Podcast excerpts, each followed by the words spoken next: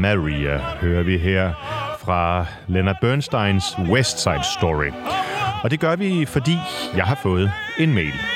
Der er simpelthen lyttere, der er begyndt at skrive ind til min indbakke, kammertonen, snabelag Radio 24 Og en af de lyttere, jamen det er Cecilie, som spørger, hvad det egentlig var, der øh, oprindeligt gjorde, at jeg begyndte at lytte til opera. Og i, i virkeligheden, ja, så var det måske ikke så meget opera. Måske det er lidt mere pop. Øh, det er i hvert fald noget, som nogle af de sådan lidt mere øh, fintfølende operaelskere vil påstå. For det var de tre tenorer, som øh, i det herrens år 1990, da alle mine kammerater de sad og så landskamp øh, Danmark frem mod EM-finalen, ja, så var jeg optaget af, hvad der foregik, foregik i Rom, nemlig hvor de tre tenorer, Luciano Pavarotti, José Carreras og Placido Domingo, de mødtes for på en, ja, poppet, men også let tilgængelig måde at præsentere operaen. Og det er det, vi hører noget af her fra deres første koncert i 1990. Og øhm, ja, det betog altså mit lille drengehjerte dengang. Så lad os høre lidt af det.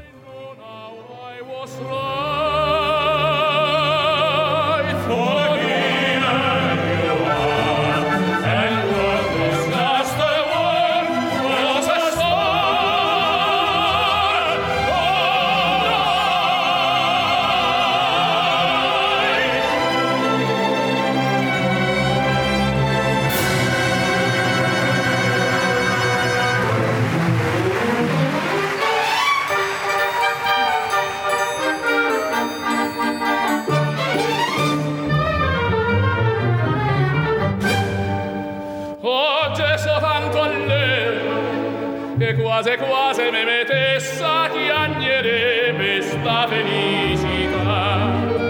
Ma è vero, non è vero, che sono tornata a Napoli, ma è vero che sto qua. O treno stava ancora in tastazione quando a Gentise prima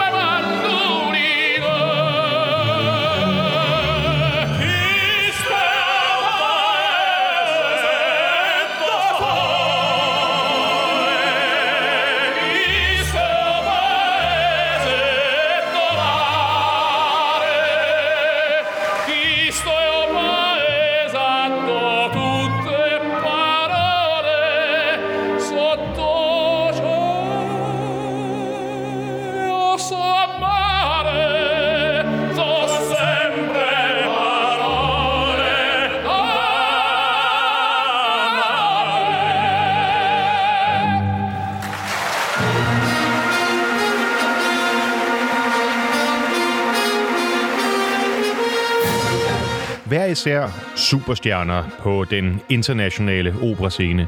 Hver især havde de haft øh, store, store karrierer, og ja, havde det for så vidt også øh, efterfølgende. Øh, Placido Domingo, han synger stadigvæk i dag rundt omkring på øh, operahusene, nu i en alder af mere end 80.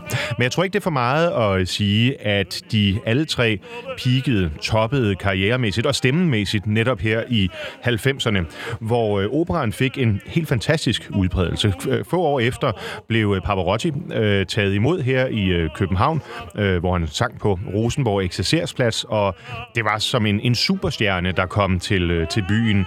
Operaen gik igennem hele den vestlige verden som det nye øh, store musikfænomen.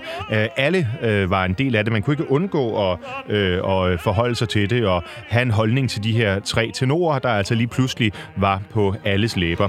Den første koncert var i 90, og øh, det blev så de følgende øh, knap 10 år en tradition at når der var fodbold-VM, jamen så samledes de i den by, hvor, øh, hvor, øh, hvor begivenhederne, fodboldbegivenhederne fandt sted, og gav en, øh, en koncert. Derudover var der masser af turnéer og alt muligt rundt omkring i, øh, i hele verden. Men det vil sige, at i 94, der var de i Los Angeles, og i 98, der var de i Paris. Og det var altså en blanding af det, vi hører nu her, som er hvad kan man sige, populærmusik. Vi hørte Maria fra West Side Story, nu hører vi øh, Memories, og flere af de sådan, napolitanske sange, som især Pavarotti han gjorde øh, kendte og elskede i nye fortolkninger og indspilninger. Og øh, så selvfølgelig også rigtig opera.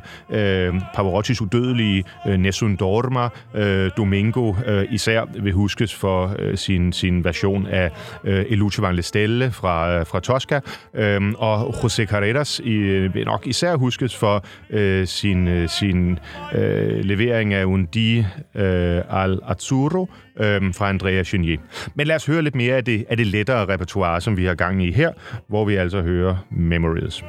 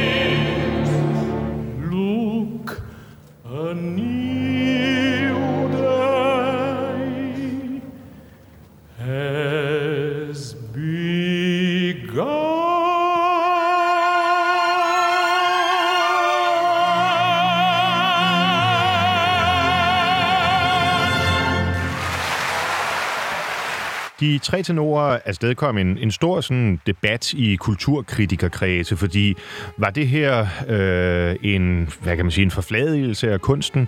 Ja, altså i forhold til, hvad de tre herrer har øh, excelleret i på de store scener, øh, hvor der nærmest ikke er en komponist, som de ikke til sammen dækker. Domingo nok den, der har haft det bredeste repertoire fra bel canto-genren, Bellini, Donizetti osv., og så helt ud til, øh, til Richard Wagner.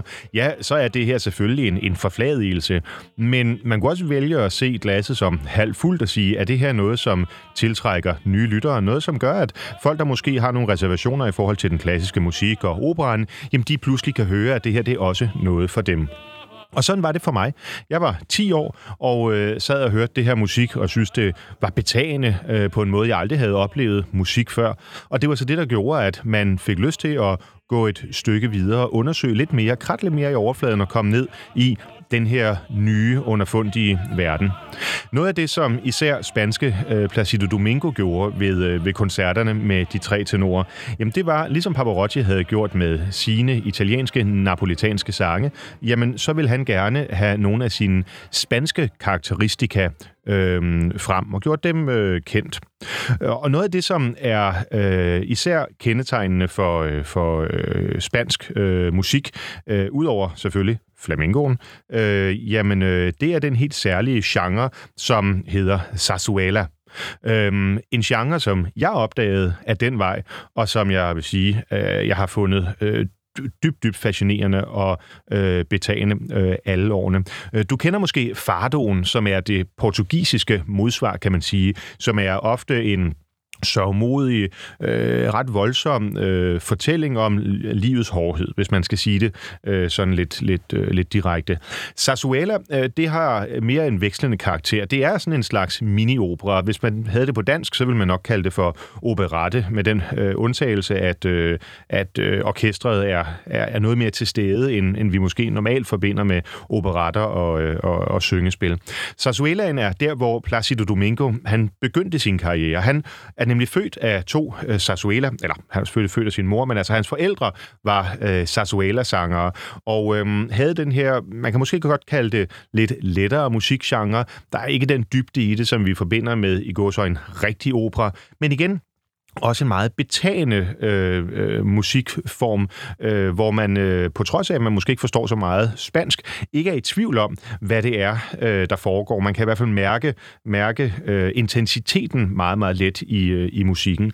Så min vej ind til operaen, den gik først med de tre tenorer, som førte mig over til den spanske musiktradition Sarzuelaen, og så derfra videre ud i en spændende verden. Så det er et forsøg på at besvare dit, øh, dit spørgsmål, øh, Cecilia. Og jeg synes lige, vi skal, øh, vi skal høre lidt Sarsuela her med, med Domingo fra, fra Los Gavilanes første akt, første scene.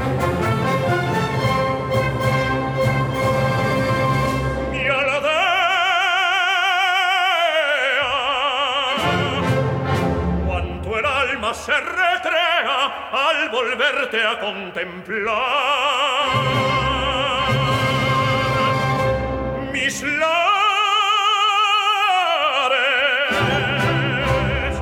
Después de cruzar los mares otra vez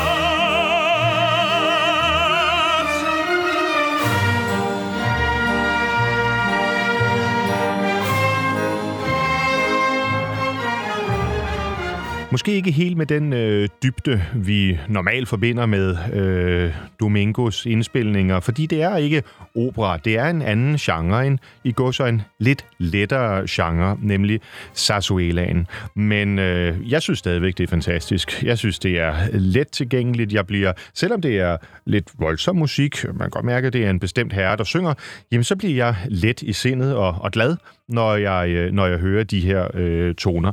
Og det er en den, den generelle følelse, vil jeg sige. Så hvis du, ligesom jeg, øhm, synes, det her er betagende, så gå ind på Spotify og, øh, og øh, søg på Sasuela.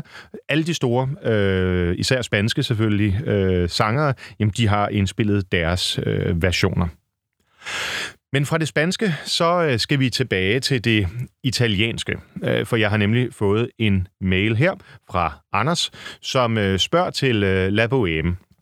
Og øh, faste lyttere af det her program vil jo vide, at La Bohème, jamen det her er en af de øh, operaer, som, øh, som står mit øh, hjerte absolut nærmest. Det var faktisk øh, netop La Bohème, som, øh, som jeg valgte at, at indlede den allerførste udgave af øh, kammertonen med. Men, spørger Anders, Hvordan er det nu med La Bohème? Fordi der er Puccinis La Bohème, men er der ikke også en anden? Og hvordan kan det egentlig være? Og det er fuldstændig rigtigt, øh, fordi det er ikke kun Puccini, der har skrevet en, en øh, opera om de øh, salige, mundre øh, kunstnere øh, i Paris. Øh, det har den italienske komponist Ruggero Leoncavallo også gjort. Og hvorfor det? Når øh, to næsten øh, samtidige komponister sådan sidder og strides om den samme historie. Hvordan kan det være? Jo, jamen det er simpelthen så så simpelt, at, øh, at øh, de, øh, de fik begge to øh, den samme idé, gik til hver deres librettist, øh, og har derfor skrevet øh, ud fra helt forskellige forlæg, altså øh, Puccini ud fra sit, og Leon Cavallo ud fra sit. Faktisk var øh, Puccini lidt af en, en bøf, må man sige, fordi øh, Leon Cavallo havde spurgt ud i sådan i kunstnerkredse, om, øh, om der var nogen, der ligesom arbejdede på den her historie, inden han gik i gang. Og øh, Puccini havde også sagt, at han kom ikke til at lave noget på det. Men sådan, da Leon Cavallo var godt i gang, ja, så skiftede Puccini altså mening. Og alt andet lige må man bare sige, at øh, Giacomo, han kunne altså noget, som øh, Ruggero ikke helt kunne. Så øh, det i dag øh, er det stort set kun øh, Puccinis udgave, vi, øh, vi hører. På nær selvfølgelig her i kammertonen, fordi der er her, du spørger, Anders, om ikke vi kan høre noget af Leon Cavallos øh, øh, La Bohème. Og det synes jeg, vi skal. Og øh, når nu muligheden er der, så synes jeg også, at vi skal høre det med José Carreras, altså en af de tre tenorer. Øh, her synge Testa Adorata fra tredje akt af altså Leon Cavallos La Bohème.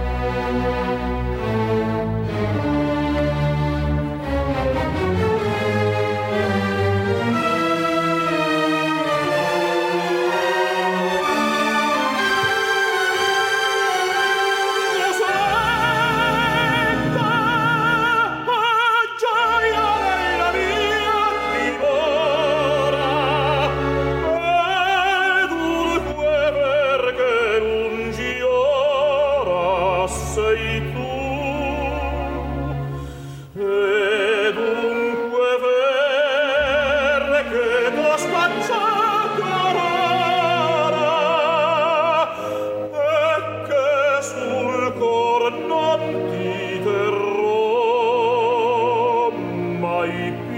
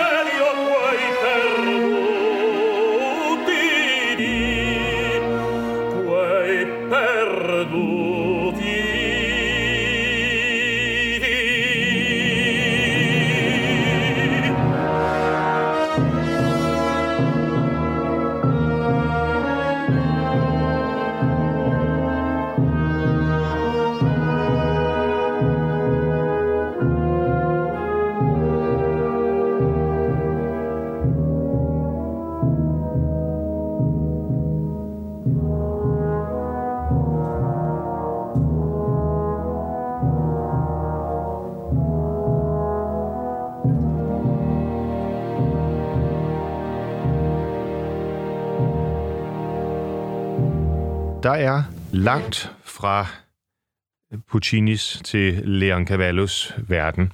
Øh, og alligevel har de dog nogle ting til fælles. Øh, Udover begge at være italienere og leve øh, i nogenlunde parallelt, ja, øh, så skriver de begge to i øh, den genre, man kan kalde verismen, altså hvor man tilstræber en form for sandhed. Øhm, det er ikke øh, guder og helte og andre sådan fiktive personer, der har hovedrollen i, øh, i deres øh, opera. Øh, det er helt almindelige øh, mennesker. Og derfor så øh, har vi hos øh, Puccini, altså øh, La Bohème med de helt almindelige digtere, som altså også Leon Cavallo benytter sig af. Vi har Manon Lescaut øh, med en, en, en dreng og en pige, der forelsker sig.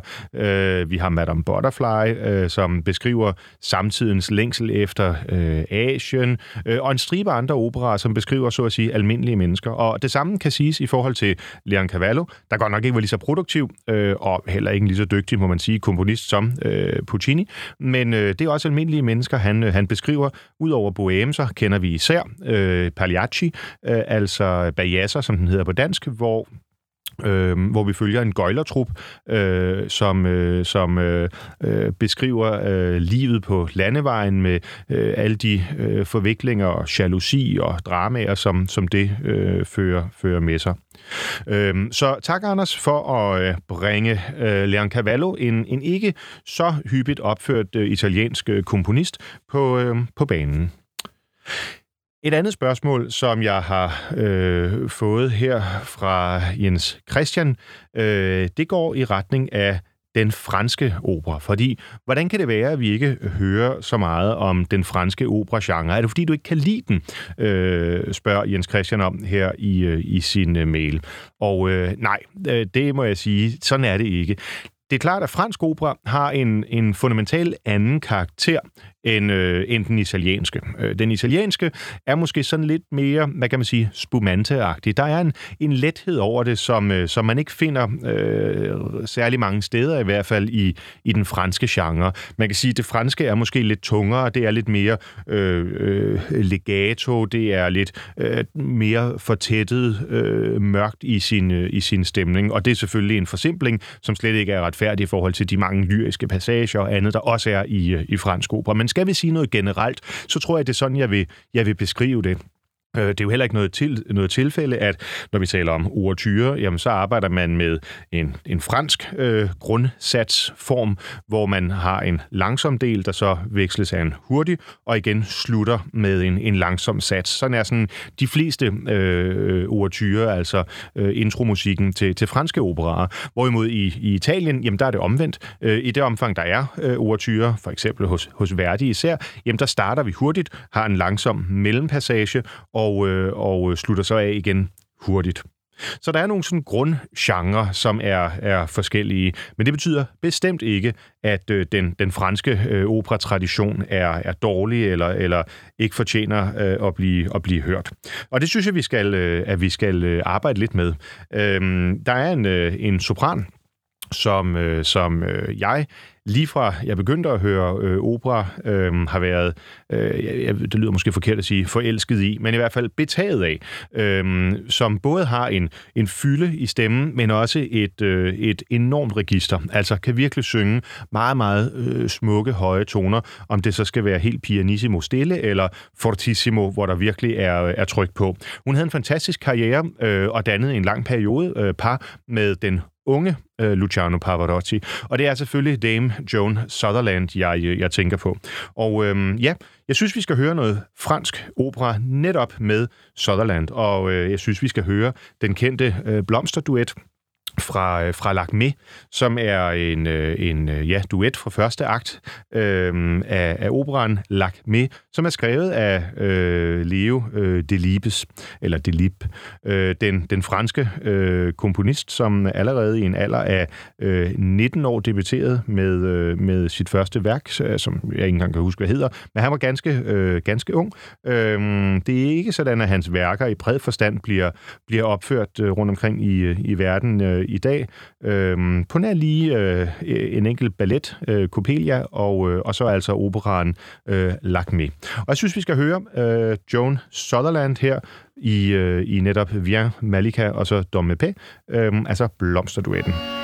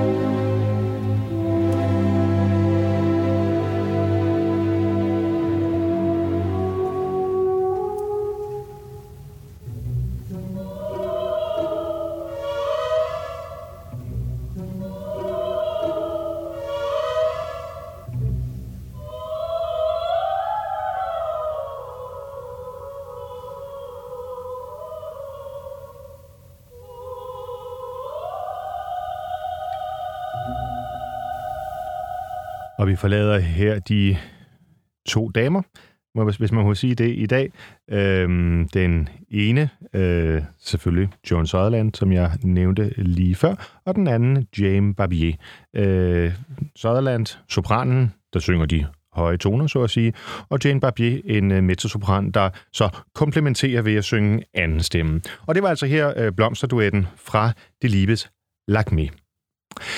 Et andet spørgsmål, der er rejst i mailen, det kommer her fra William, som øh, vender tilbage til, øh, til de tre tenorer, eller retter, det er måske mig, der ser den røde tråd igennem alle spørgsmålene her.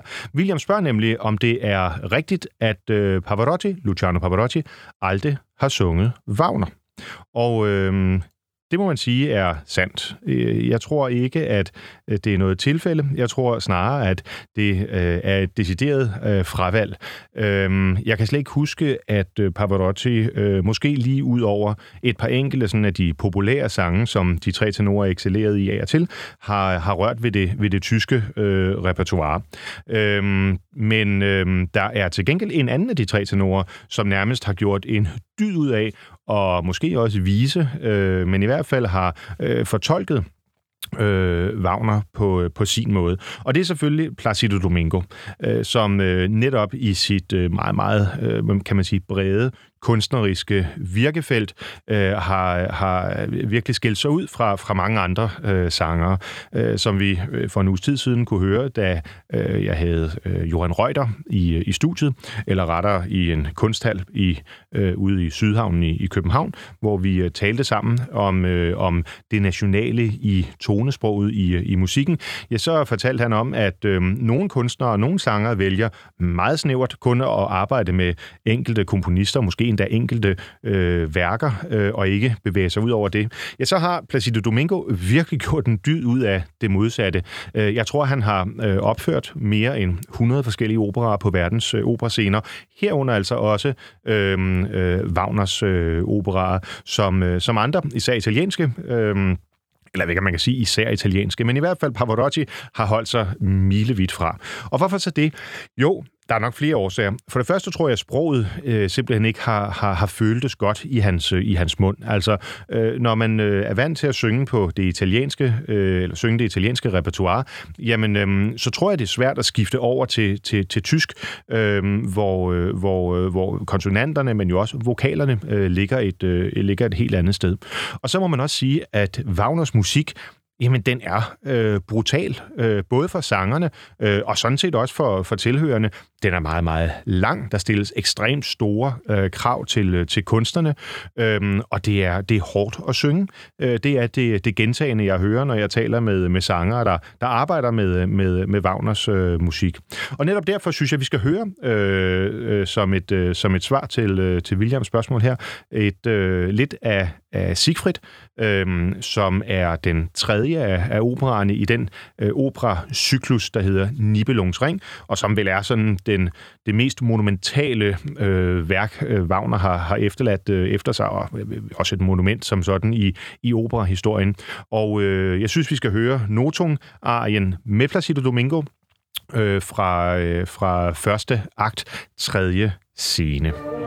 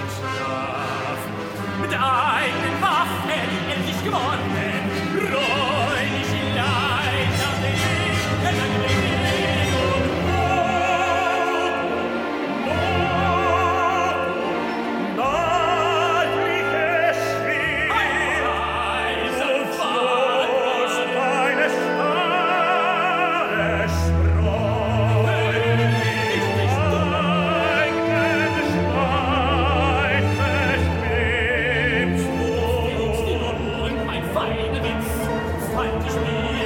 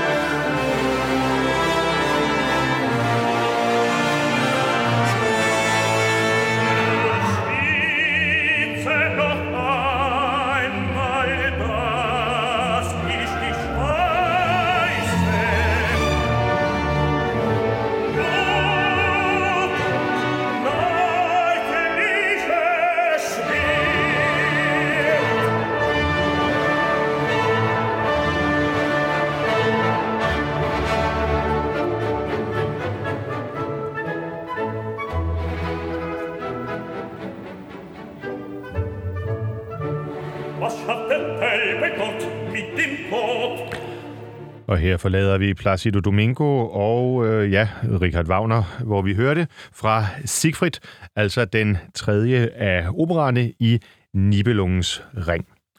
Og jeg håber, det øh, besvarer lidt af spørgsmålet, som jo egentlig øh, var ganske enkelt, om Pavarotti nogensinde har sunget Wagner. Nej, det har han ikke, men, øh, men det har altså en anden af de tre tenorer. Karoline har spurgt, kan det virkelig være rigtigt, at en øh, hel operagenre øh, er, er benævnt øh, bel canto?